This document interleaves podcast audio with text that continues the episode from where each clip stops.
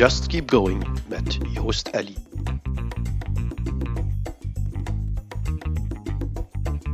Ik vreet u levendig op, riep de blonde koning. Ik pel al het zwart ervan af en ik eet het wit op dat van binnen zit. Oh, die neger is er te veel aan. Wat een gedacht ook dat een van de drie koningen een zwarte moest zijn. Omdat ze een beetje de cosmopoliet willen uithangen, omdat ze het hele mensendom moesten vertegenwoordigen. Ze hadden toch een gele kunnen nemen of een rode voor mijn part, een met streepjes, maar nee, een zwarte. Aldus de Italiaanse auteur Dario Fo in 1978. Mijn vriend kon dit stuk onmogelijk goed vinden. Daar zat ik na lange tijd met hem in een theater te kijken naar de monologen van de veelgeprezen toneelschrijver. Geleide, mijn vriend en ik hebben het bij de gevoelige thema's nu en dan flink met elkaar aan de stok. Ondanks die ferme meningsverschillen schieten we toch erg goed met elkaar op. En zo moet het zijn. Hij gaat prat op zijn imago van de links-intellectueel, daarom kijkt hij nooit VTM en leest hij geen HLN. Toch niet in het openbaar. Hij kijkt alleen Canvas en leest de morgen. Lachen met zwarte past in dat imago niet. Heel af en toe, onder ons, valt hij met een boutade door de mand.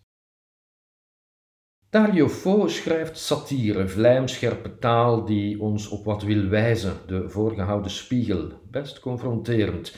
Wie alleen de toplaag ziet, hoort slechts vulgariteit. Het is de val waarin vaak wordt getrapt. Een reactie zou kunnen zijn dat dit soort dialogen niet langer op een podium kan en dat ze moeten worden gekuist. Zo zou Dario Fo nergens nog over gaan en dus nooit meer worden opgevoerd. Dat is een verholen vorm van censuur gebaseerd op stomzinnigheid. Het klassieke striplandschap, de negende kunst, is door die gekkigheid al getroffen. De commotie rond het zogeheten racistische kuifje in Afrika is bekend. Zelfs Jommeke ontkomt er niet aan. Van het spraakgebrek van Philip Berken, hij kon de letter R niet uitspreken, in de eerste albums blijft in de heruitgave geen spoor. Het resultaat in totaal irrelevante scènes. Bijvoorbeeld in het Hemelhuis vertelt hij nu totaal uit het niets dat hij wiskunde studeert, in plaats van de oorspronkelijke uitspraakleer. Het raakt Kant nog wel. In het geval van de Zwarte Bomma klopt zelfs het ganse verhaal niet meer. Los dan nog van de abominabele hertalingen in standaard Nederlands die de volkstrip regelrecht ontzielen. Het is het afbreken van patrimonium en het resultaat heet onherstelbaar verbeterd. Conservatisme is geen vies woord, het betekent ook bijhouden van wat goed is. Disney vindt de middenweg en laat aan haar oude klassiekers een boodschap voorafgaan. Dit programma bevat negatieve weergaves en of verkeerde behandeling van mensen of culturen, staat er. Deze stereotyperingen waren toen al fout en zijn dat nu nog steeds, maar in plaats van de inhoud te verwijderen, willen we de schadelijke impact ervan erkennen, ervan leren en het debat voor een meer inclusieve toekomst aanwakkeren. De hamvraag is wie hier eigenlijk allemaal om vraagt. Alleszins blijft de invloed van de berichtgeving op televisie bijzonder groot. En daar wordt, althans bij onze openbare omroep, telkens de kat die politiek correcte bel aangebonden. Dat schept een vals beeld van onze volksmentaliteit. Men zou het woord manipulatie in de mond kunnen nemen. Er valt wat te zeggen voor het Nederlands publiek omroepbestel. Dat bestaat naast de taakomroepen met de NOS, die aan onafhankelijke journalistiek doet, ook uit ledenomroepen zoals Avrotros, BNN-Vara, Caro en Servé. Elk met hun eigen ideologie. Hoe meer leden, hoe meer middelen en tijd. En er is dus volop ruimte voor elke mening op tv. Dat vertaalt zich in zendtijd voor religie, uitgesproken progressieve gesprekken op BNM-Vara en regelrechtse rechte debatten op WNL, Wakker Nederland. Niettemin is het belangrijk dat er een onafhankelijke openbare omroep blijft bestaan, anders komen we in Amerikaanse situaties terecht waar het zeer rechtsconservatieve, activistische, maar ook dubieuze Fox News al meer dan twintig jaar de dienst uitmaakt. Intussen beschouwt Wikipedia Fox News niet langer als een betrouwbare bron. Tegelijkertijd slagen ze er in diezelfde VS met PBS, de Amerikaanse Public Broadcasting Service, wel in dagelijks een landelijke nieuwsuitzending te maken die de recensenten omschrijven als de minst partijdige analyse en de kalme en geloofwaardige informatie die we nodig hebben. Het kan dus wel. Hoe meedogenloos die politieke correctheid soms is, mag blijken uit de zaak Eddie Demares. Ik meng mij zelden in publieke debatten op de sociale media. Het is het soort van discours dat weinig oplevert. Ik heb er dus geen idee van wat er daar al allemaal over de kwestie is geschreven. Ik verneem nu dat Eddy een sanctie wordt opgelegd. Er is sprake van een zware inbreuk op de integriteitscode. Die kan worden samengevat als eerlijk, betrouwbaar, professioneel en verantwoordelijk beslissen, handelen en communiceren binnen en buiten de VRT. Ik zou luid op de vraag kunnen stellen waar een toevallig openstaande microfoon zich situeert en besluiten dat dit binnen nog buiten is. Daarnaast zetten we in op remediëring, volgt nog. Remediëren betekent beter maken. Dat klinkt als Eddie is ziek. Ze gaan hem genezen van zijn perversiteit. Dat lijkt op homogenezing. Nog altijd niet verboden in België, zet daar eens op in, volks. Wat een verdikt. Wanneer de remediëring niet aanslaat, kan altijd nog tot ontmenselijking worden overgegaan. Het is bijna laster. Eddie Demares heet dus gestoord te zijn, omdat hij zich vrolijk maakt over het feit dat de meeste Belgian cats lesbisch zouden zijn. En dat er eentje overduidelijk het mannetje is. En omdat hij een, excusez le mot, potige speelster de Mountain noemt, een kolos. Een homofiele vriend heeft het over een mollige kortharige vriendin van mij als die man, een groepje vrouwen noemt hij een mosselbank. Een andere huivert alleen al bij de gedachte aan een natte grot. En een derde speekselt spontaan bij het woord rimshot, zo'n trommeroffeltje met een cibaal erachteraan. Ze snuffelen aan elkaars poep, zei hij over een nakend nieuw homostel. Hij zegt een gold star gay te zijn. Dat zijn homo's die nooit wat met een vrouw hebben gehad. Er zijn ook platinum star gays, de eerste klassers, geboren met een keizersnede en al dus niet bezoedeld door een vagina. Deze mannen zijn niet ziek. Ze hebben een gezonde, relativerende humor die bol staat van bijtende zelfspot. Heerlijk. Dat zag ook Ann Wouters in, in de ideale wereld. Misschien hebben we iets te heftig gereageerd, in the heat of the moment. Ondertussen is Eddie wel verbrand en zit daar thuis, in de put, wil je een man echt couilloneren, wrijf hem dan een of andere vorm van seksueel grensoverschrijdend gedrag aan. Er hoeft niet eens iets van waar te zijn. Hij zal er nog jaren over doen zijn naam weer te zuiveren. Het is een gevaarlijk wapen. Gepast taalgebruik en goed nadenken over de rijkwijde van woorden is altijd een goed idee. Mia Doornaert, de fameuze columniste, zei het in Winteruur zo. Het betrof een heel andere kwestie, maar de vergelijking is makkelijk gemaakt. De ecolo-jongeren beelden Theo Franke als SS'er af. Verschrikkelijk beledigend voor hem en voor de Democratische Partij N-VA. Ik ben eerder Belgicist, zij zijn separatistisch, maar men mag dat meningsverschil hebben.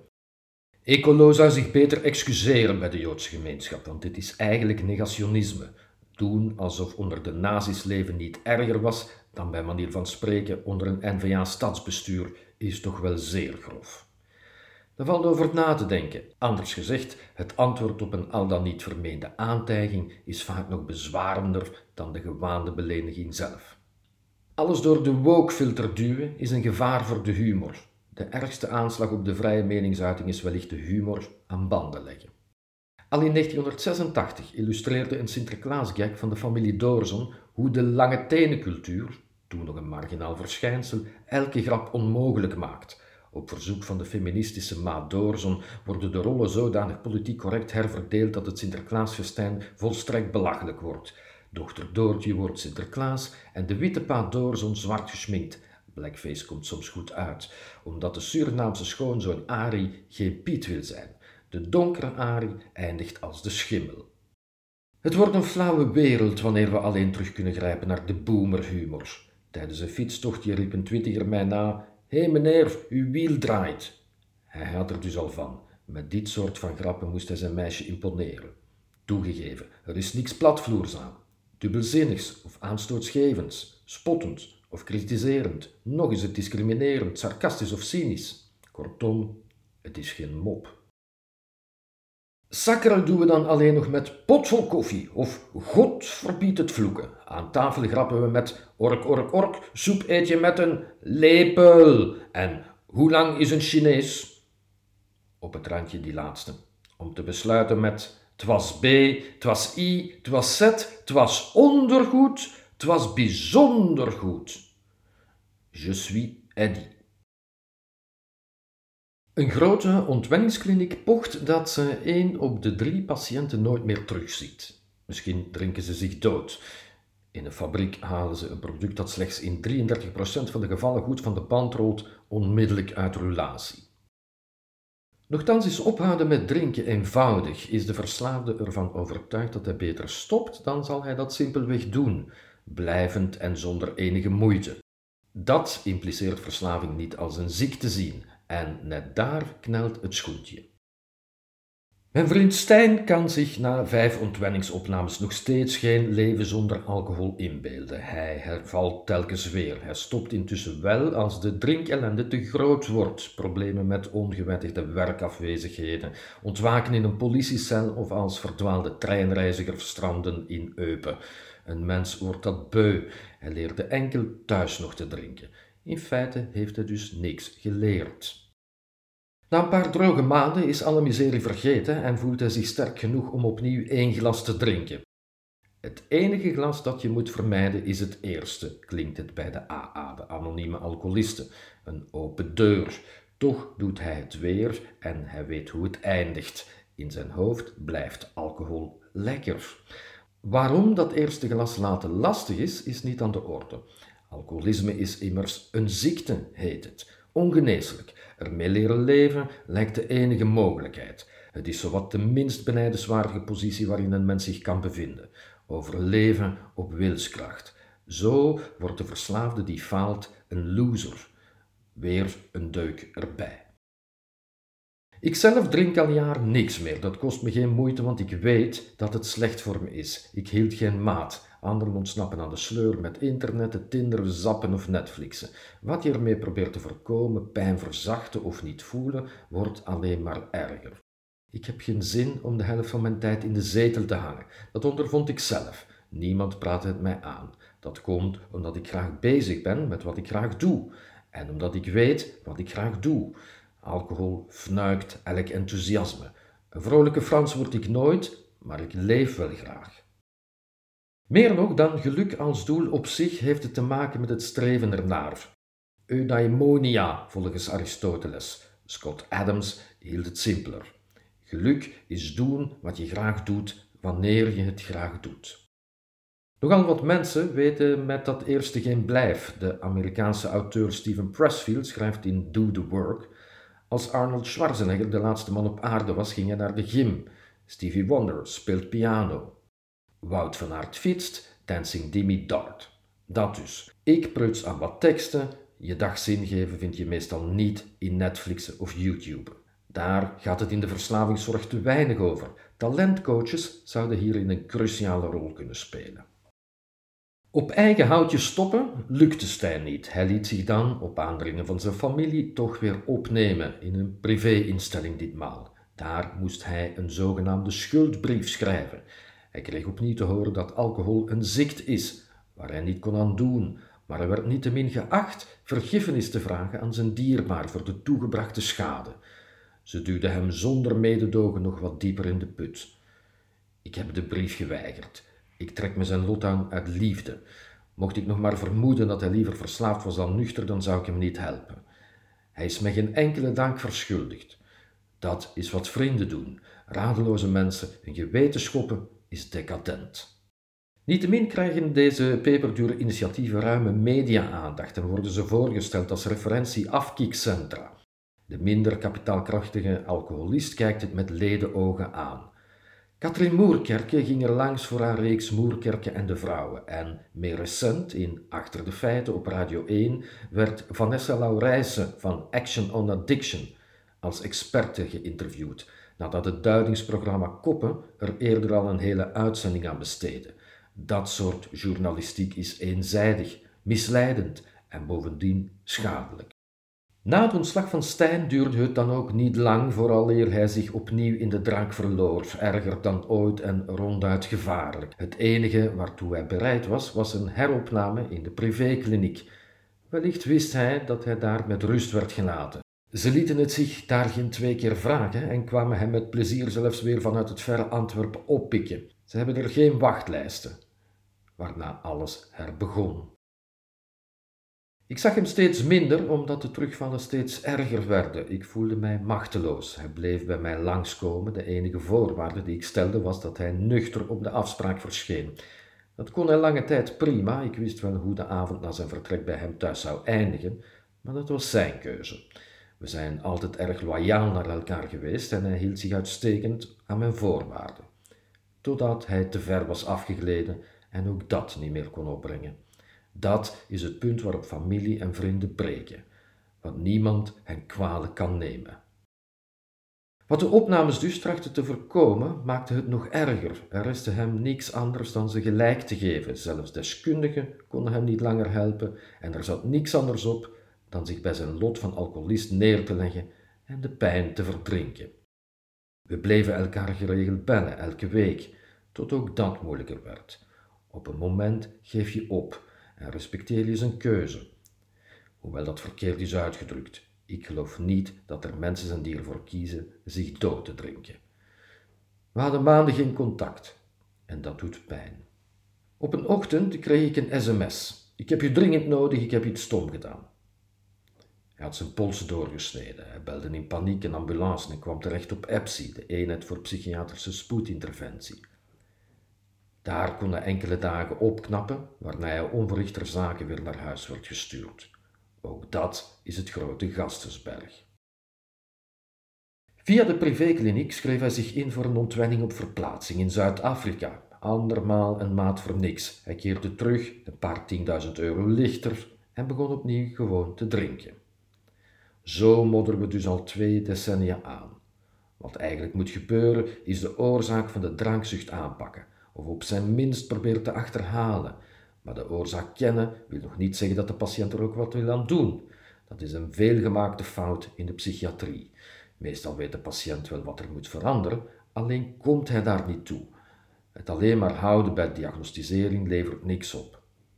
Op die manier kan je jezelf een rad voor ogen draaien, jarenlang met appreciatie van omgeving en werkgever, zonder dat het ooit verandering brengt. Stijn meldde zich op mijn vraag aan op de inmiddels opgedoekte dienst Angst en Depressie van het UZ Leuven. Hij maakte er de fout tijdens het intakegesprek eerlijk te zijn over zijn alcoholproblematiek. Daar moest hij maar eerst eens werk van maken. Mocht hij daar geen probleem mee hebben, had hij zich natuurlijk niet aangemeld. Dit is de toppsychiatrie, mensen, zoals bedreven in een van Europa's beroemdste ziekenhuizen. Onlangs kende hij zijn zoveelste terugval. Hij weet het soms verbazend lang vol te houden, puur op wilskracht. En dat is de val. Op een dag is de wilskracht op. Gelukkig weet hij zich omwille van zijn job telkens weer te redden. Het is afwachten hoe dat evolueert wanneer hij met pensioen is. Enkel de angst om zijn inkomsten te verliezen houdt hem overeind. Mijn redding vond ik bij Jan Geurts en Ellen Carr, twee boekjes samen om en bij de 50 euro. Ze maken van de reguliere verslavingszorg brandhout. Ik las er meermaals en nu nog. Rest de vraag waarom Stijn die boeken niet gewoon leest. Een van de belangrijkste redenen om niet te stoppen is dat hij bang is om te stoppen, het leven tegemoet te zien. En daarvoor moet hij dus zijn angsten aanpakken. Daar zou een angstbehandeling bij kunnen helpen. Maar dan moet hij dus stoppen. En daar is hij te bang voor. In de groepspraktijk bij mij om de hoek werd de tweede kauwgomballenautomaat weggehaald. Dappere kinderen krijgen er na een lastige raadpleging een muntje waarmee ze een verrassingje kunnen draaien. Jongetjes stopten het in de ene, meisjes in de andere. Dat onderscheid vond een zekere Karen niet langer van deze tijd en dus maakten de dokters er snel één automaat van. Zo zag ik onlangs een kereltje beloond met een haarelastiekje. Het ging wenen, want het wilde natuurlijk liever die stoere rubberspin. Je kan dat elastiekje toch ook in je haar doen, suste de mama het stekelkopje. Waarom huil je nu? Dat is heus niet alleen maar iets voor meisjes, hoor. Ja, dat is een beetje flauw, kwam ik tussen. Jongens doen niet flauw. Het hielp de zaak niet vooruit. Nooit eerder wonnen zoveel mannen ten koste van vrouwen een gouden kalf, een rechtstreeks gevolg van het feit dat Nederlands grootste filmprijzen voor het eerst genderneutraal werden.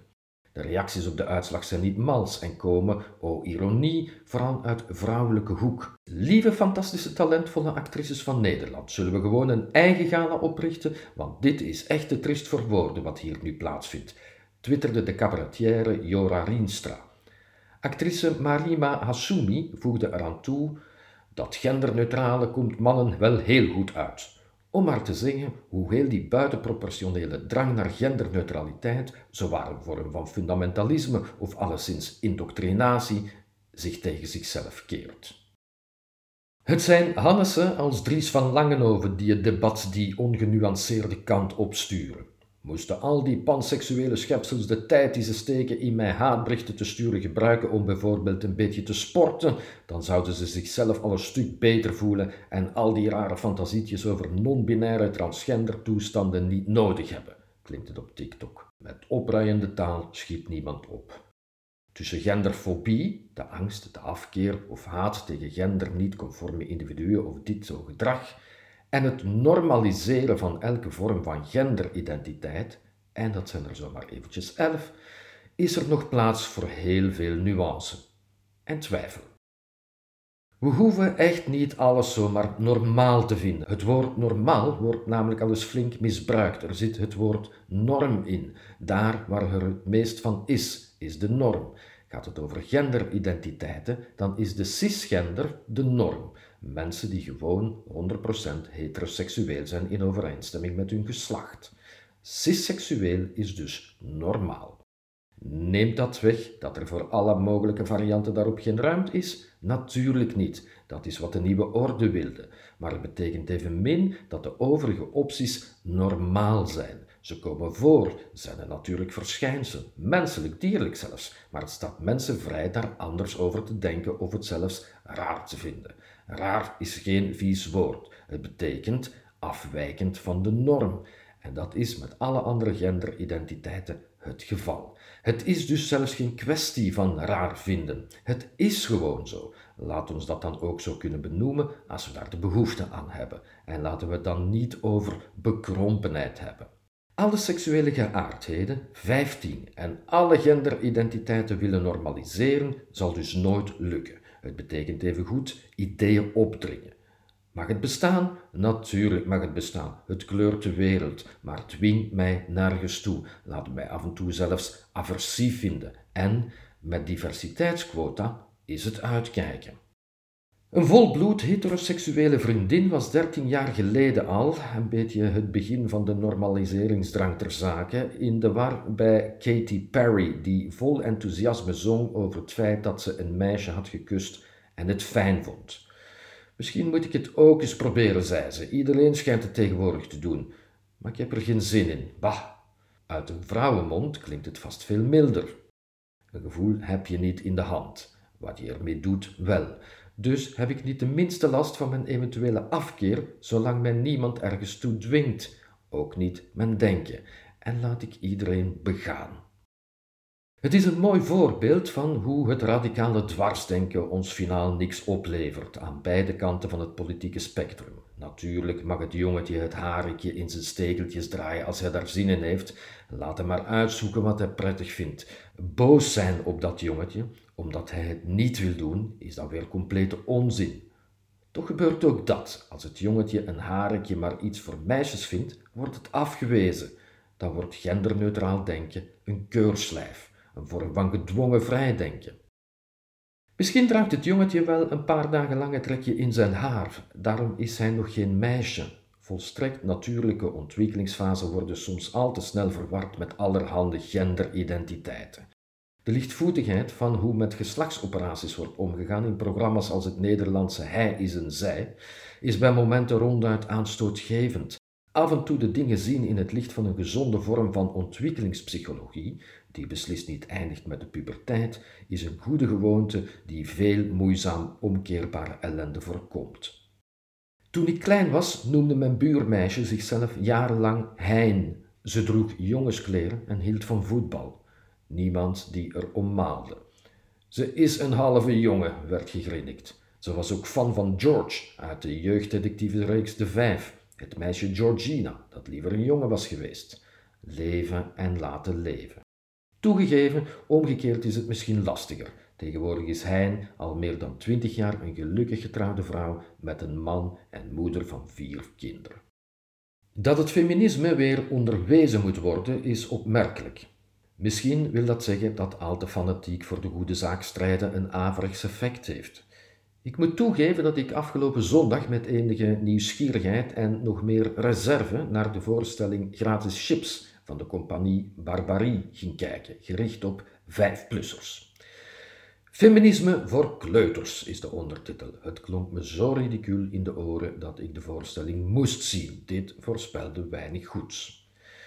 Maar het gezelschap bracht een bijzonder goed evenwicht in voor wat komaf maken met genderstereotypen moet staan.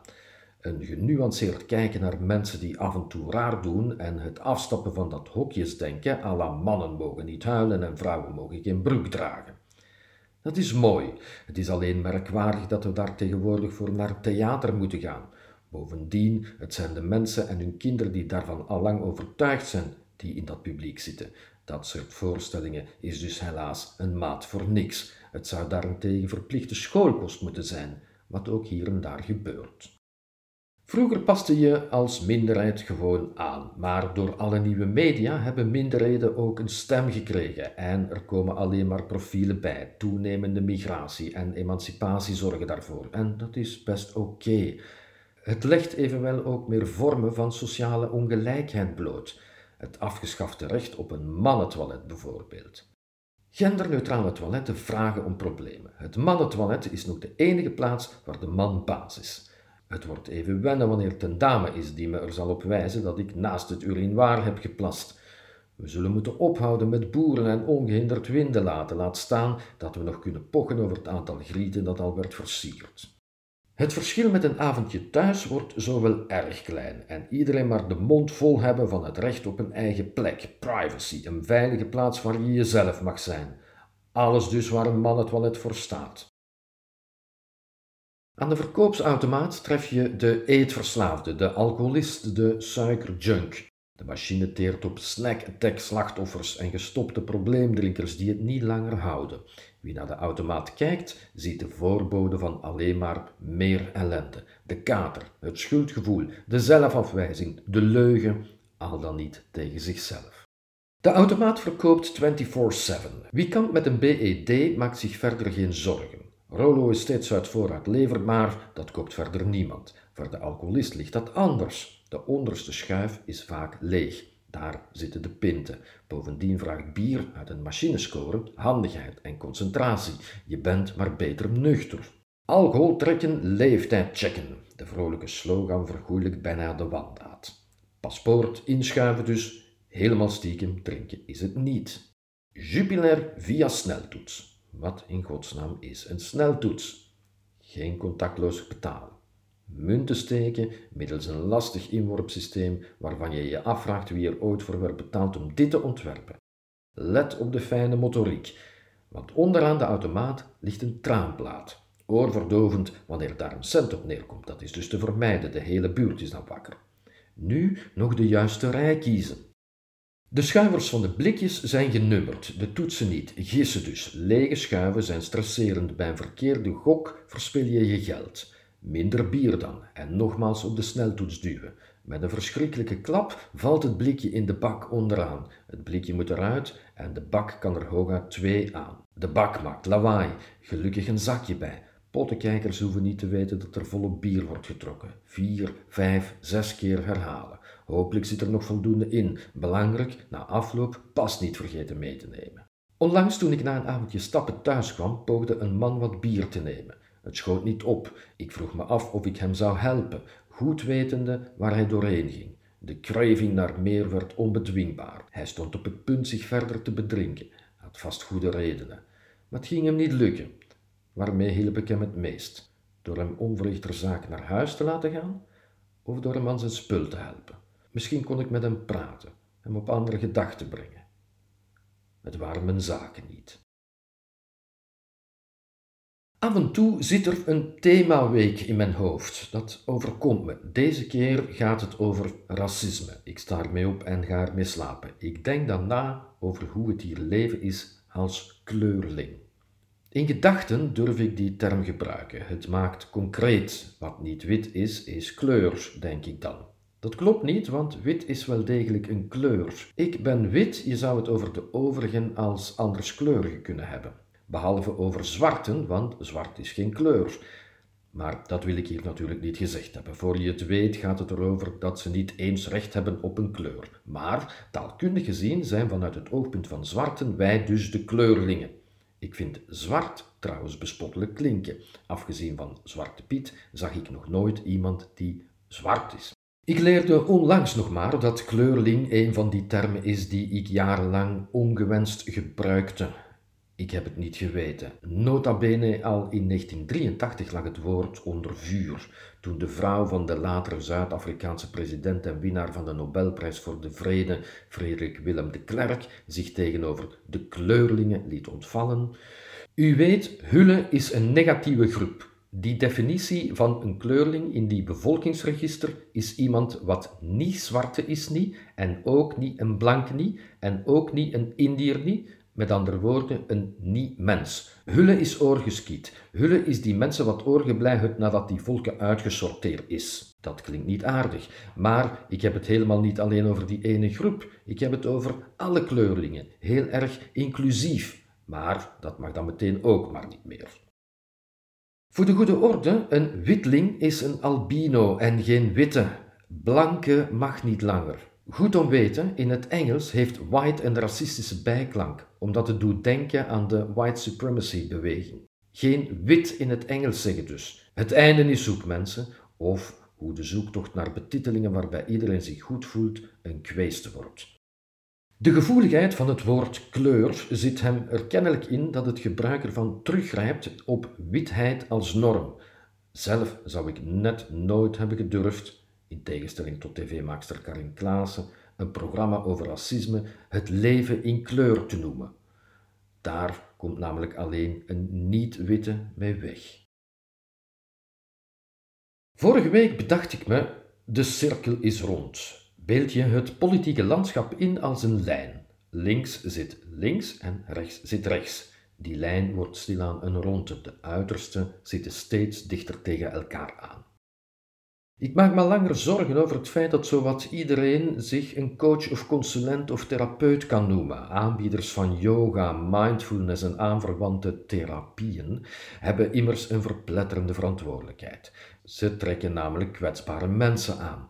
Het is daarom hun plicht hun theorieën als hulpmiddel te schetsen en niet als oplossing. Waakzaamheid is dus geboden. Ik zelf neem Facebook-profielen als norm. Gaat iemand met de regelmaat van de klok foto's van zonsondergangen of keien in een stromende rivier met zweverige quotes posten, wordt mijn paranoia gewekt.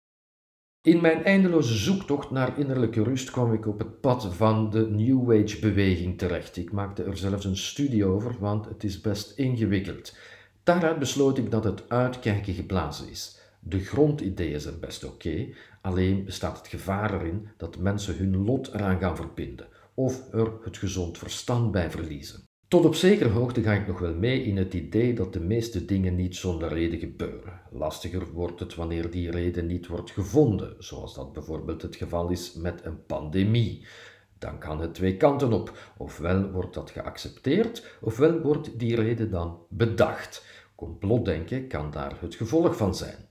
Ik las wat boeken in het genre van bestseller-auteurs als Louise Hay en Gabriel Bernstein, tot en met de bizarre Wallace D. Waddles, een van de grondleggers van de New Age. De rode draad is dat alles al goed is zoals het is, waar op zich nog niet zoveel mis mee is, zie je ook het boeddhisme, en, mocht het niet zo zijn, het universum de klus wel zal klaren. Het is allemaal een kwestie van jezelf graag zien, opkomen voor jezelf en vooral niet laten vertellen wat je moet doen. Het gevaar van dat soort neoliberalisme is dat het individu boven alles dreigt te worden gesteld en dus ook boven het maatschappelijke belang. Dat is wat antivaxers doen. Ik stond er niet bij stil dat heel wat tegenstand tegen de coronamaatregelen logischerwijs dus ook uit die hoek komt. Pas toen een vriendin, een erkend, door wie eigenlijk, yogaleraar en werkzaam op een dienst intensieve zorgen, een vaccinweigeraar bleek te zijn, ging het kwartje vallen. Voor de goede orde, niet elke therapeut of coach valt zweverigheid te verwijten. Precies dat is de moeilijkheid. Je weet niet bij wie je terechtkomt. In de marge van die ogenschijnlijk kleine groep doet zich een neveneffect voor, het is scoren op de molen van extreem rechts. En de naïviteit waarmee daar wordt omgegaan is verbijsterend. In Nederland haalde het Forum voor Democratie, de FVD, het equivalent voor het Vlaams Belang, fors gekant tegen de coronabeperkingen bij de Tweede Kamerverkiezingen eerder dit jaar zowaar acht zetels, met onder meer dank aan de antivaxers. Bij ons heet zoiets Zwarte Zondag. Wie nog steeds niet is gevaccineerd, gaat maar beter na wat voor sujetten dit soort stemmingmakerij aanvuurt. In de fantastische korte Nederlandse documentaire Samenzwevers passeren ze allemaal de revue. Een kleinkunstkunstenares heeft het over een pandemie en intergalactische oorlogen. Een Indonesische spirituele coach wil niet gehoord hebben dat het Forum een racistische partij is. Voorzitter Thierry Baudin zei dat hij Europa dominant blank wil houden. Maar, replikeert ze, je kan wel heel veel zeggen, maar lukken gaat dat toch niet meer. Een activiste van de protestbeweging De Gele Plu vraagt zich af of mensen wel sterven aan corona of met corona. Een holistisch consulent relativeert zijn stem aan het forum. Daarom omarm ik nog niet de hele partij, lees racistische uitspraken en nazisympathieën, klinkt het. Ik wil daarom niet per se het rechtse aanhangen. Bij deze man zoeken mensen in crisis hun heil, volks.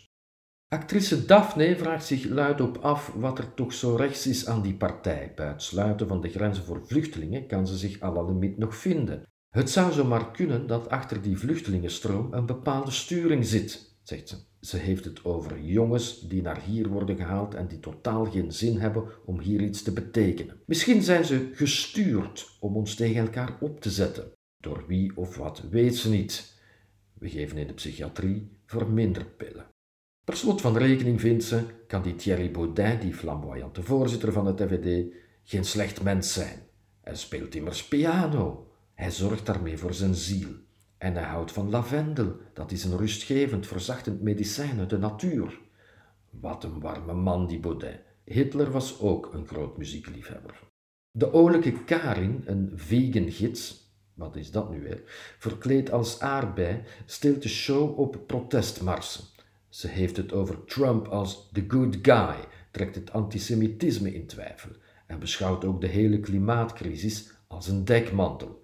Dat laatste is wat ook de ademcoach Nikki beweert. Ze baseert zich op artikelen van De Andere Krant, veelvuldig gelezen door tegenstanders van de zogenaamde mainstream media. Dat blad werd eerder al in verband gebracht met lovende woorden over Poetin en de annexatie van de Krim en de Russische steun voor de Syrische president Assad. Klimaatontkenning werd traditioneel in die rechterhoek weggezet. Met het pro-Russische, de andere krant, is de cirkel maar weer eens rond. Aan alle gevoelige zielen, middels van coaching, spiritualiteit, semi-spiritualiteit, voeding, zelfhulp, self-love en self-care worden steeds meer een zaak van extreem rechts. Men wezen gewaarschuwd. Kijk uit met wie je in zee gaat. Er zijn hele, hele goede mensen bij. En zie het altijd als een hulpmiddel, nooit als een oplossing. Of hoe de yogaclub niet per se een veilige omgeving is voor zoekers.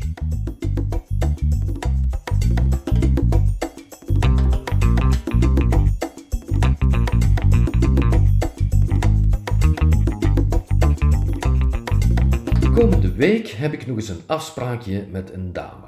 Als het wat wordt, beste lezer, bent u de eerste die het weet. Statistisch gezien is die kans gering. Mijn compromisloosheid op het gebied van liefdespartners is bekend. Maar dat de uitverkorene, met zoveel noten op mijn zang, een spetter is, laat zich raden. Liever dan een afspraakje noem ik het een doorstart, want eerder wees ik haar af, ongewild vanuit een soort van wat vroeger verlengde minderjarigheid heette op dat vlak. Avances gaan nog steeds onopgemerkt aan mij voorbij. Ik heb iets gelijkaardigs met filmplots, die zie ik ook niet aankomen. Ontwikkelingsstoornissen wellicht. De gevolgen van de ene zijn al wat ingrijpender dan die van de ander. We stonden aan de bar ergens halverwege de jaren tien en alles klopte. Momentum heet dat. Kom eens langs, zei ze, recht voor mijn raap. Haar tongpunt bewoog lichtjes in haar monddoek. Een teken, leerde ik later. Hmm, dat weet ik niet hoor. Kom toch gewoon eens langs. Beste lezer, er zijn dus vrouwen die het tweemaal vragen. Oh, ik beloof het je niet, zuchtte ik. Er komt toch niks van. Dat vreemde antwoord vraagt om toelichting. Ik ken periodes van aandriftstoornissen. Dan richt ik weinig uit. Vanwege mijn uiterst saaie leven merkt niemand een verschil, maar een enkele keer is de afloop falikant. Zoals nu. Dan kom je maar niet, snauwde ze. En daarna verdween ze voor een jaar of zes. Versierboeken beschouwen dit soort incidenten als einde verhaal. Eén kans per vrouw per leven luidt het devies. Maar kijk, afgelopen zomer belde ik haar zomaar op en stemde ze enthousiast met een wederontmoeting in. De herkansing, waarvan datingcoaches beweren dat ze niet bestaat, sliep uit. Kom eens langs, zei ze weer, dat maakte drie. Oh ja, wat een fijn idee, riep ik. Ik was gegroeid. Naar ons in Schiplaken. Ons, zijn zij en haar zoontje van twee. Zoiets noemt een verhaalwending of een streep door de rekening. Op mijn leeftijd een kinderloze vrouw treffen is een zeldzaamheid. Dat is ambivalent. Voordeel is dat de eierstokken wellicht niet langer klapperen. Ik bespaar me er de liefdesbaby met de jongere deerne mee. Het stomste wat me nog kan overkomen. Doch niet getreurd, zo'n tweejarige gooi je immers op tijd in bed. We zouden dus enkele uren kunnen doen alsof hij niet bestaat. Ik beelde me onze avond alvast tig keer in. Ze woont in een riant huis in een duur wijk. Ik uitgedost in casual en classy tegelijkertijd rijd in een grote huurwagen de inrit op. In het aanschijn van de lichten maakt ze de voordeur open. Ze had me zien komen. Ze loopt in een inderhaast slordig dichtgeknoopt satijnen negligé, blootvoets en drupt nog van het douchen. Sorry, ik heb wat vertraging. Van op de designstoel kijk ik toe hoe ze zich aankleedt, verderop in de badkamer de deur open. Dit valt niet mis te begrijpen. Dat was dus ergens in augustus. Drie afgeblazen afspraken later stelt ze voor samen koffie te gaan drinken in de stad. Ze brengt haar zoontje mee. Momentum is alles. Het wordt een bakje troost. Als het doorgaat, beste lezer, bent u de eerste die het weet. Vijftien jaar geleden verbleef ik kort in de psychiatrie, in het crisisinterventiecentrum KIK. Daarna op de afdeling angst en depressie. Het is een van de beste dingen die me ooit overkwam. Al lag dat niet echt aan de behandeling. Veel waardevoller was wat zo vreselijk lotgenotencontact heet. Dat woord ademt ziek zijn. Niettemin trekt de term lot me erin aan, want zo voelt een groep in crisis Puur bij toeval raakten we tegelijkertijd de weg goed kwijt en dreef het lot ons samen. Het schept een band. Het werd vooral een levensles op elk gebied en met name als zorgverlener leerde ik nogmaals hoe het vaak beter niet moet en waarom kleine attenties ertoe doen. Ah, daar is die nieuwe opname, klonk het vanuit de verpleegwacht. Oh, is dat een man? Dat is toch Ellie niet? Mijn aanmeldingsformulier lazen ze kennelijk maar half. Ga jij of ik? Echt gevochten, voor mij werd er niet. Hallo, dan toch nog. Ik ga met u mee. Ik dacht dat ze me vriend ging noemen. Dit is uw kamer. Tot zover het onthaal. Hoe lager geschoold, hoe normaler het contact. Een logistiek assistente praat niet als een boek. Welkom Joost, zei ze. Eerst is het wennen, maar de meeste mensen zijn hier graag. Ze zijn niet ziek, ze hebben gewoon even te veel zorgen gehad. Kom, we roken een sigaretje. Dat is wat je wil horen. Een opname eist wat van een mens, je hebt er maar beter zin in en houdt van vertellen. Het begon met een praatje met een verpleger op de spoedgevallendienst in een box die op alles behalve een gesprek was voorzien. Dit is iets voor de psychiater, oordeelde hij. Blijf rustig wachten. In zo'n borstelhok hoop je de hele tijd dat ze je niet vergeten. Het is altijd opgelucht ademhalen als er iemand binnenwaait. In het beste geval zegt hij ook iets. Het is raden naar wie het is, maar je bent tenminste nog eens opgemerkt. Eén passant bleef. Goeiedag, zuchtte hij. Vertelt u het maar. Met wie had ik de eer misschien? Ik hield het kort, want hij bleek snel overtuigd. Of verveeld. Nou, dat lijkt me inderdaad iets voor een psychiater, klonk het uh, mummelend. Zo, ik sprak dus met een geneesheer-assistent. De echte arts, de prof, hoefde het gelukkig niet van mijzelf te horen. Dat is meestal zo. Zo ging het naar het KIK, laatste euvel, het intakegesprek met de teamcoördinator. Dit was de echte baas, hij deed de schifting. Hier moest het in één take goed zijn. Drie keer hetzelfde verhaal brengen gaat flink vervelen. Maar ik deed het goed, ik won een entree-ticket. Beatrice nam de honneurs zwaar en maakte de kennismaking officieel. Mijn echte begeleidster Monica zou pas de volgende dag weer werken. Deze vierde keer vertelde ik dus voor de vorm.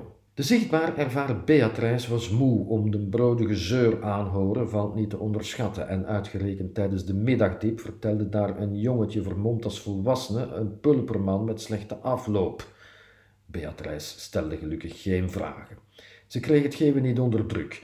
Daar zat ik dan mezelf afvragend of ik misschien niet een klein beetje flauw deed. En was er de professional die bevestigde: Jouw verhaal is zo saai. De volgende ochtend, ergens in het grote boek van de psychiatrie, een paar eeuwen terug, moet hebben gestaan dat bij een verblijf in de GGZ een dagopening hoort.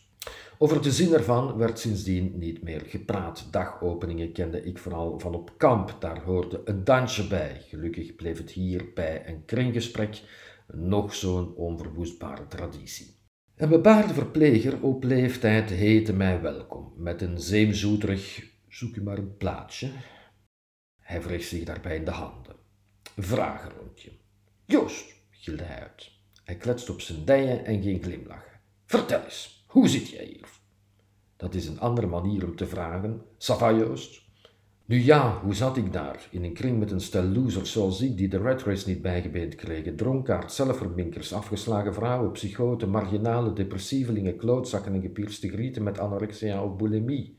Sava wel dus. Voor de duidelijkheid, een kringgesprek onder maloten heeft iets geweldig helends. Want wars van alle gekkigheid was het kiek vooral een plek waar je kwetsbaar mocht zijn. Het was dat ongelooflijke samenhorigheidsgevoel wat ons bond en kracht gaf. De grote veranderingen vonden s'avonds plaats. De dagen waren niet zinloos, maar het verschil werd gemaakt na de kantooruren. Dat was ook voor mij als psychiatrisch verpleegkundige een les in nederigheid. Vertel eens, zei Monica na de dagopening, en dus ratelde ik, niet van harte, voor de vijfde keer mijn miserie af tegen een 23-jarige schoolverlater. Natuurlijk moeten mensen de gelegenheid krijgen in hun vak te groeien, alleen is de vraag of een jongere met vaak nauwelijks enige levenservaring dit soort belangrijke rollen kan opnemen. Met het kennismakingsgesprek hield de behandeling op het KIK in feite meteen ook op. Officieel heet dat dan een observatieperiode.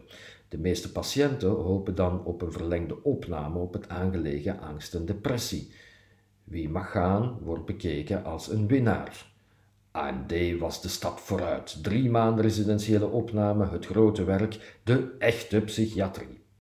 Ook hier bleek het belang van de therapie eerder relatief. Het waren de pauzes, de middagwandelingetjes, de avonden, de vrijdagnamiddagen op café met de groep die het hem deden. Dat mogen leven zonder filter. Godverdomme, wat een lastige week, wat een waai in mijn hoofd. Ik word er gek van. Ik ben hier vier weken en nog steeds laat ik me verrassen.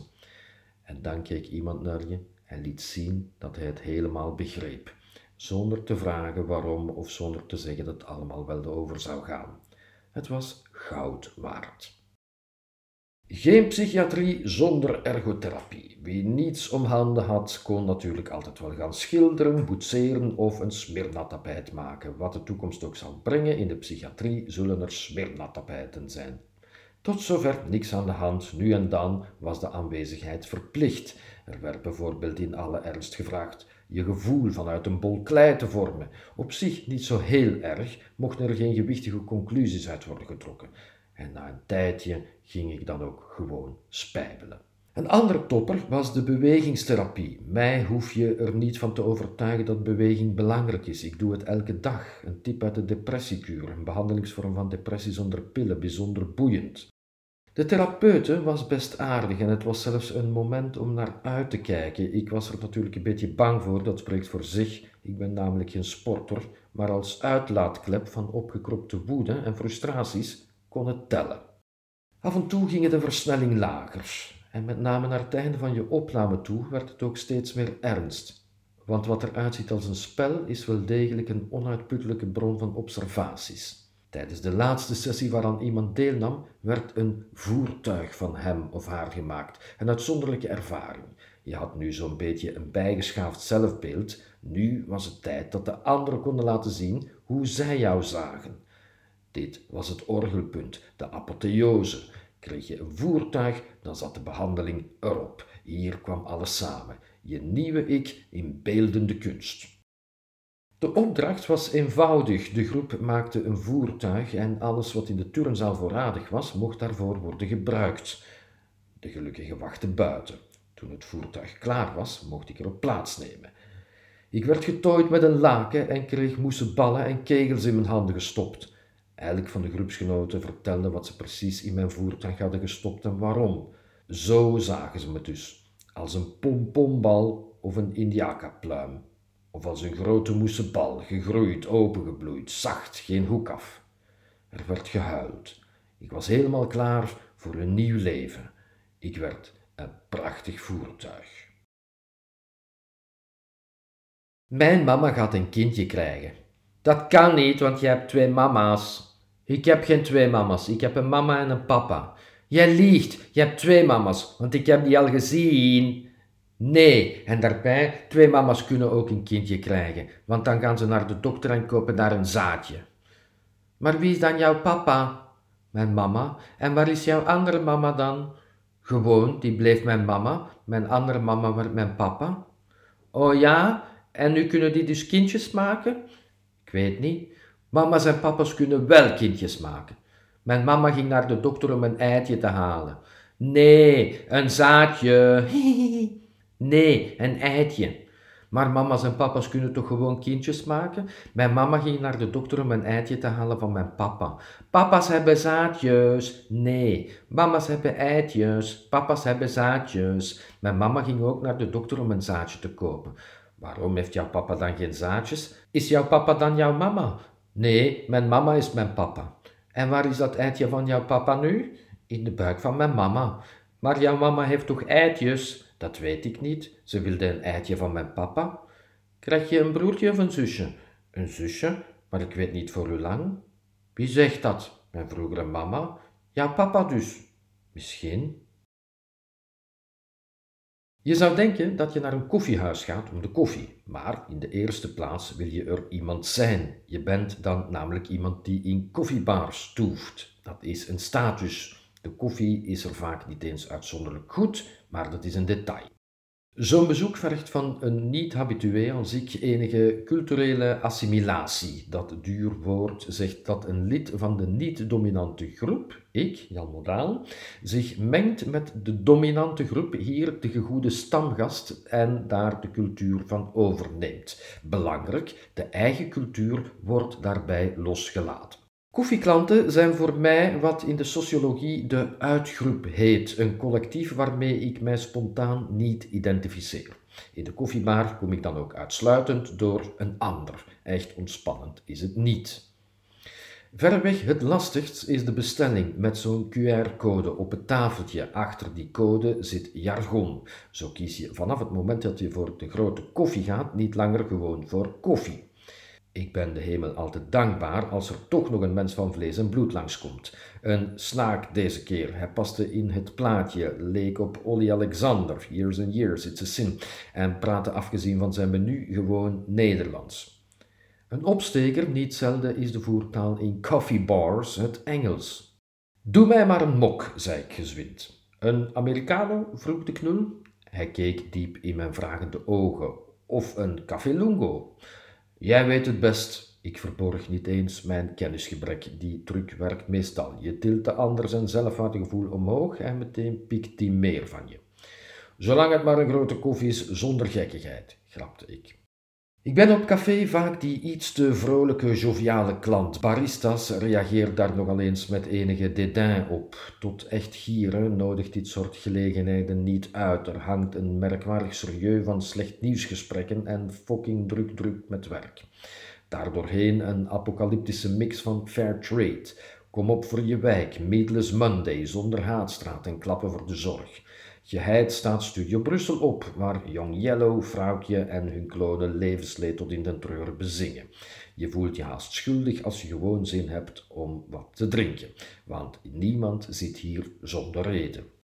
Kantoortijgers weten al langer dat het bureaulandschap niet deugt. Onder het mom van een samenwerking bevorderende inrichting worden de tafels bij elkaar geschoven en op ruimte bespaard. Alleen nog de verliezers zitten op zo'n eiland. Terwijl de arbeidsorgonoom het ziekteverzuim wil terugdringen door het creëren van stilteplekken in burelen, maakt de telewerkende hipster, die voor de huiselijke rust kan kiezen, in de koffiekate zelf zijn gedeelde werkplek. Dat is op zich goed bekeken. Voor de prijs van één latte macchiato kan thuis de stoof een paar uur uit en laden de devices gratis vol. De voortdurende afleiding neemt hij er graag bij. Er is een boutade die zegt: het is niet omdat je bezig bent dat je ook werkt. Maar het plaatje klopt. Sommige vrouwen, zelden mannen, komen er lezen, een toppers uit de standaard der letteren, liefst non-fictie. De meeste mensen deugen, doet het goed, een turf onder de arm maak je bijzonder, of blijf bij mij van Rika Ponet, een instant klassieker bij relatietwijfel. En ook met wat van Harari zit je nooit fout. Niks mis met een roman, alleen heet dat hier literaire fictie. Geen zeven zussen, zelfs geen vrouwen van de Leeuwenhof om een beetje anders te doen, maar een Lise Spit of een Griet op de Beek. Koffie en vrijgevochten schrijfsters schijnen een goede combo. Kies je voor een tijdschrift, ga dan voor de Glossy. De EOS, de Mo, iets wereldverbeterends van een verontwaardigd reisjournalist. Of Feeling Wonen, daarin leer je dat je ultiem geluk gewoon bij een maatkeuken koopt. Als ethisch pescotariër, je lust vis, maar geen vlees, eet je geen toastkannibaal van Belgisch witblauw, maar bagel met Philadelphia en zalm. Een hypercalorisch broodje met gegreenwashed kaas van Mondelez, wereldwijd het vijfde vervuilendste bedrijf. Op een bedje van kweekvis uit wat de witte activist met dreadlocks, culturele toe-eigening trouwens, aan het tafeltje even verderop drijvende varkenshouderijen noemt, met bijhorende stress en ziektes, hij las het nog in zijn quest. Maar je eet wel helemaal keto. Vergeet de pannenkoek met suiker, maar ga voor de scones met clot cream en jam. Vraag er niet naar smos, maar een biozuur notenfluitje met gedroogde abrikozen en avocado met salsa verde.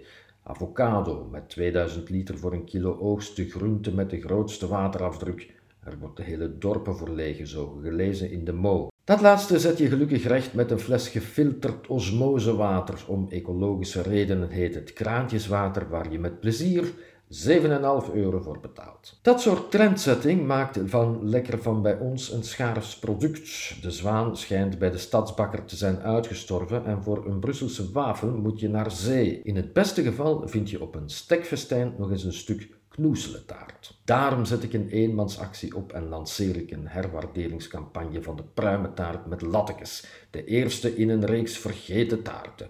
Nu de pruim weer helemaal Belgisch is, staat niets een revival in de weg. Ik koop ze op het topadres voor taarten, de Aldi. Zeg dat ze van Bleu de Belgique zijn gemaakt. Niemand die weet waar het voor staat, maar het klinkt chic. En ik noem ze Torta di Prugne con lamelle. Voor 14,99 euro is ze van u af te halen en breng zelf uw verpakking mee. Veganistisch eten overkomt me omdat ik een beta-mannetje ben, een pleaser. Ooit noemde een dame mij een weekdier dat zich als een gewervelde gedraagt. Soms betrap ik me op haar gelijk, zoals daar in Den Haag. Ik in een groenterestaurant. Het slaat als een tang op een varken. Ik was met mijn dochters op stadstrip voor een schrijfstukje over de Haagse mat. Den Haag is de bakermat van het nektapijt. Maar door toedoen van mijn vegetarische nageslacht werd het voor mij vooral een vleesloze vierdaagse. Ik praat moeilijk over gevoelens en compenseer dat met materialisme, vertel ik mijn dochters. Dus gooi ik voor hen het geld over de balk en eten we samen vaak uit. Ik breng daarvoor zware offers en vegetarisch dineren is er daar één van. Tast mijn integriteit aan. Ik doe werkelijk alles voor mijn dochters. Vegan gurus als Earthling Ed, Ed Winter en de immer rondhuppelende goedhartige crimineel Gary Jurowski zijn het lachen al langer vergaan. De laatste ageerde zich zelfs een burn-out. Maar vanaf nu is het echt alleen nog maar serieus. Stoppen we niet onmiddellijk met vlees en zuivel eten, gaat de aarde morgen al naar de Filistijnen. Het uitgemolken vijf na twaalf. Om die doemdenkerij wat op te leuken, bedenkt de vegetarische industrie voor hun waar grappige namen. De ookworst van Hema bijvoorbeeld, of de vegetariër van de vegetarische slagers, een plantaardige hotdog, zo authentiek van smaak dat naar het schijnt zelfs een vleesetende plant zich laat foppen. En dus ook in dat Haagse biologisch-veganistische restaurant Hagedis deden ze lollig. Zin in een broodje vlees, kies dan voor de zwamburgers. Soms is de creativiteit op en wordt er een plantaardig adjectief voor gezet. Zo krijg je de vegan schnitzel bijvoorbeeld of de vegetarische kipnuggets. Nu het nog kan, want de afdeling vlees van de Landbouwcommissie van de Europese Gemeenschap probeert deze misleidende consumenteninformatie al een tijdje te bannen, maar vangt voorlopig bot. Zolang, roepen ze bij Hagedis, heet onze fondue nog steeds perfect legaal gewoon veganistische kaasfondue mispoes. Dat was namelijk al onwettig. Veganistische kaas is niet alleen een contradictio in terminis, het mag gewoonweg geen kaas heten. Want dat kan volgens de wet alleen wanneer het gaat om een product dat wordt verkregen door geheel of gedeeltelijke stremming van koemelk. Kaas zonder meer wordt dus altijd van koemelk gemaakt, zegt de wet. Komt er van de geit, dan wordt het geitenkaas genoemd, enzovoort. Analoog kaas, het heet echt zo, de gele vierkantige plak heeft met kaas nog weinig van doen. Veganisten beeld ik mij altijd in als Norse sloddervossen met een paardenstaart, maar de serveuse van de Haagdis bewees dat het ook anders kan. Een bijzonder aantrekkelijke verschijning, flink van poten en oren voorzien en met een leuke pony. En ze lachten. Doet u ons alvast zo'n vegan kaasplankje met chutney en vegan honing, zei ik enigszins hooghartig. Ik tuurde boven mijn brilglazen, dat maakt het altijd wat gewichtiger. Louter uit nieuwsgierigheid vroeg ik, hoe maakt u honing zonder dat er een bij aan te pas komt? Ze hadden hier met een pinter klant te maken. Of met een oude vent die zich bij een groen blaadje interessant trachtte te maken. We maken een stroop van paardbloemen en rietsuiker. Piesbloemensiroop dus, zei ik terwijl ik mijn blik weer op de kaart richtte. Ik was altijd al de leukste thuis. Ik herpakte me snel en bestelde zonder vervelende bijvragen de veganistische kaasfondue. Daardoor vrolijkte het meisje weer helemaal op. Dit was hun topper, hun paradepaardje, een eigen uitvindsel waar ze apetrots op zijn. En al dus kwam niet veel later het pannetje met daarin een dampende vaalgele brei op een prachtige ronde houten plank volgestouwd met gezonde garnituurtjes. Aan de beleving werd gedacht, alleen vergaten ze de smaak. En van de kaas slirpte de helft van de pret was geen sprake. Dan kwam de hamvraag. Wat zijn we nu eigenlijk aan het eten? Cashewnoten en kikkererwten, wisten mijn meisjes. Kikkererwten? Boerenbedrog is het. Partypoeperij is me niet vreemd. Wist je dat een cashewnoot ook olifantsluis wordt genoemd? Woordmopjes maken even min. Dat zullen ze graag horen. Mijn meisjes weten intussen dat ik er het snelst mee ophoud wanneer ze mij gewoon negeren. Dan konden ze op die plank toch ook net zo goed vleestomaten hebben gelegd in de plaats van die ellendige coulis. Je hebt je ouders niet voor het kiezen, lees ik soms in hun ogen omdat ik ondernemerschap bewonder, maak ik na afloop van een winkel- of restaurantbezoek graag een praatje met het personeel. Ik word om de een of andere reden nooit door firma's geënquêteerd en op die manier waak ik toch een beetje mee over de aanbodkwaliteit van onze koopwaar. Heeft het gesmaakt, is op restaurant de meest voor de hand liggende vraag. Dat vroeg het meisje van Hagedis natuurlijk ook. Ik voer eerlijkheid hoog in het vaandel, antwoord ik dan voor eerst. Een klacht is namelijk een zegen voor een bedrijf. Vergeet u nooit dat er voor elke klagende klant in uw zaak vijftig anderen zijn die zwijgen. Eenmaal buiten gaan die helemaal los. U mag mij dus wel dankbaar zijn. Meestal valt er dan een stilte. De meeste restaurants krijgen meestal een simpel ja. Maar om op uw vraag te antwoorden, nou, het deed wel iets, maar om nu te zeggen smaken, nee, niet echt. Het meisje sloeg haar blik neer. Hoe bedoelt u? De kaaskik bleef weg. Kaas blijft lastig. En ik kon ook niet spinnen. Er zit geen draad in die pap. Niks zo leuk dan draden in gesmolten kaas. Nee, dat lukt inderdaad niet. Eerlijk gezegd verbaast het me niks dat hier niemand eerder op is gekomen. Gelukkig heeft u een prachtig interieur en zit er in de chocoladebonbons wel smaak, dat is goed bekeken. Want ga maar na, mensen praten achteraf zelden over het hoofdgerecht, het gaat alleen nog over het voorgerecht en het dessert. Wat zou u graag anders willen? Wat meer oprechtheid, noem uw spul naar wat erin zit. You have to murder to call it a burger, zegt Arjen Lubach. En die kaas van u kan zo voor mij niet langer op de kaart. Onmogelijk, de helft van ons cliënteel komt voor die fondue. Geef hem op zijn minst een andere naam. Dubbeldrek, apenkool, weet ik veel. Of maak er helaas fondue van. Dat komt nog het meest in de buurt. Om de broden met geestesgestoorden, wat een woord, omgaan, doe je niet zonder dat er iets blijft kleven. De boutade luidt, je moet wel gek zijn om in de psychiatrie te willen werken. Niemand zoekt er zich te pletter, dat nu ook niet, maar echt vrolijk wordt je er niet van. Als antigif besloot ik in mijn vrije tijd de andere kant van het spectrum op te zoeken, de nabijheid van de ontspannen, vrolijke burger die zichtbaar zorgeloos geniet van zijn verpozing, in het gezelschap van een goed glas. Ik laat zowat mijn halve loonzakje achter in de horeca, dus vertrouwd met het decor en de geplogenheden ben ik wel. Een cafébaantje leek me daarom ideaal, met als prettige bijkomstigheid een extraatje om mijn Bourgondische levensstijl mee te bekostigen. Met die overtuiging bood ik mij als kelner in een brasserie spontaan, zoals dat heet, aan en rechtstreeks bij de gerant. Ik bracht mijn rol met overtuiging, ik heb acteerervaring. De mistroostige baas met de onverstaanbare naam zag een samenwerking wel zitten. Of ik een cv kon voorleggen, dat kon ik, als bij toeval toverde ik een netjes getypte brief uit mijn binnenzak. Ik maakte zijn dag goed. Bazen hebben mijn compassie. En horecabazen al helemaal. Doorgaans staan ze aan het hoofd van een zootje ongeregeld. Welk kind wil immers later ober worden dan nog liever in de psychiatrie?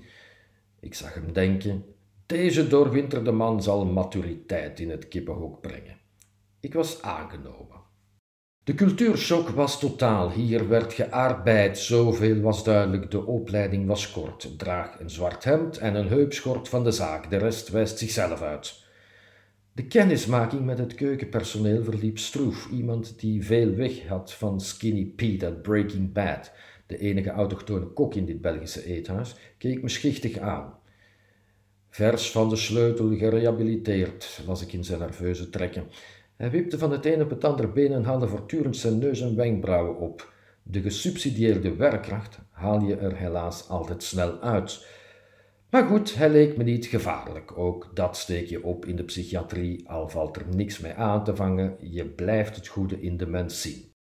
Verder bestond de ploeg uit twee hippe kerels met, ik doe een gok, Afghaanse, Libanese of Pakistaanse roots. Ze schenen argwanend. De bediening bestond uit jonge, kokette meisjes. Mogelijk lag daarin de verklaring van hun koele ontvangst. Kwam die oude bok hier de sfeer verzieken? Die houden hier nooit lang uit, zag ik ze denken. Daar stond ik dan. Wat heb je aan al die levenswijsheid in een omgeving die daar lak aan heeft? Het werd een les in nederigheid. Een tip voor wie naast zijn schoenen loopt, draai eens mee in de horeca. Daar vervalt elke rang of stand. Aan de afwas trof ik X-Tap, een Maya-vrouwtje van anderhalve meter hoog. Om onduidelijke reden scheen ze onder de indruk van mijn verschijning. Misschien deed ik haar denken aan Amu Kap, de Maya-god van de bijen. Dankzij X-Tap zou ik het zes weken uitzingen. Haar naam betekende godin van de zelfmoord, maar daar kwam ik pas veel later achter. Mijn mislukking stond op voorhand vast. Het kleine mollige meisje werd mijn mentor. Ze ergerde zich aan mijn gestuntel en liet niet namen op mijn fouten te wijzen in een taaltje dat het midden hield tussen kish en Engels, maar ruim voldoende duidelijk om haar te verstaan. Daar had ik begrip voor. Hier was de klant echt koning. Is het niet goed, dan gaan we wel op een ander. Heel anders dan die zielige psychiatrische patiënt die geen keuze heeft. Het zette me opnieuw met de voeten op de grond. Wist ik stap wel met wie ze te doen had. Voor haar stond een man met twee volwassen dochters en een carrière in de zware psychiatrie. Een man die ooit een leidinggevende functie bekleedde. Kortom, een man met ervaring. Ze gaf er niet om. Dat bleek uit de manier waarop ze brutaal bijstuurde. Sommige mensen halen infantiliseren en instrueren door elkaar. Daarmee was de link met de psychiatrie gelegd. Je bereikt niets door je kwaad te maken. Geef mensen een pluim en ze krijgen vleugels. Ik denk niet dat ze ooit van Phil Bosmans had gehoord. Van die gezellige babbel met de klant kwam nooit wat, behalve met die ene vaste. Hoor eens bij de chef of hij een volgende keer mijn stoofkarpanade kan bereiden met Westvleteren in de plaats van steeds dat plakkerige bruin bier. Ik vraag het voor u na. De Afghaanse, Libanese, Pakistaanse kok negeerde mijn vraag en knipte een zak vacuümgetrokken stoofvlees open. Dat behoort helaas niet tot de mogelijkheden, liet ik weten. Kan ik nog wat voor u betekenen? Ja, de rekening dan maar. 26 euro, zei ik.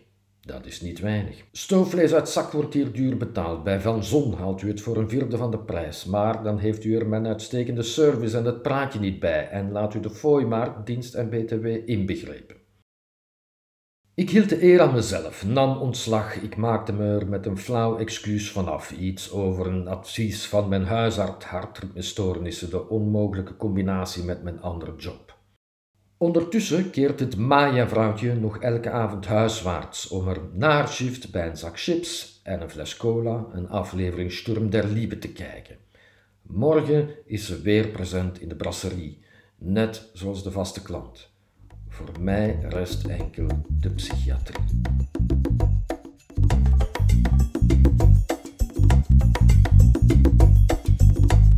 U luisterde naar een aflevering van Just Keep Going, de podcast met Joost Ellie. Voor andere blogs en nog veel meer surft u naar joostellie.be. Graag tot een volgende keer.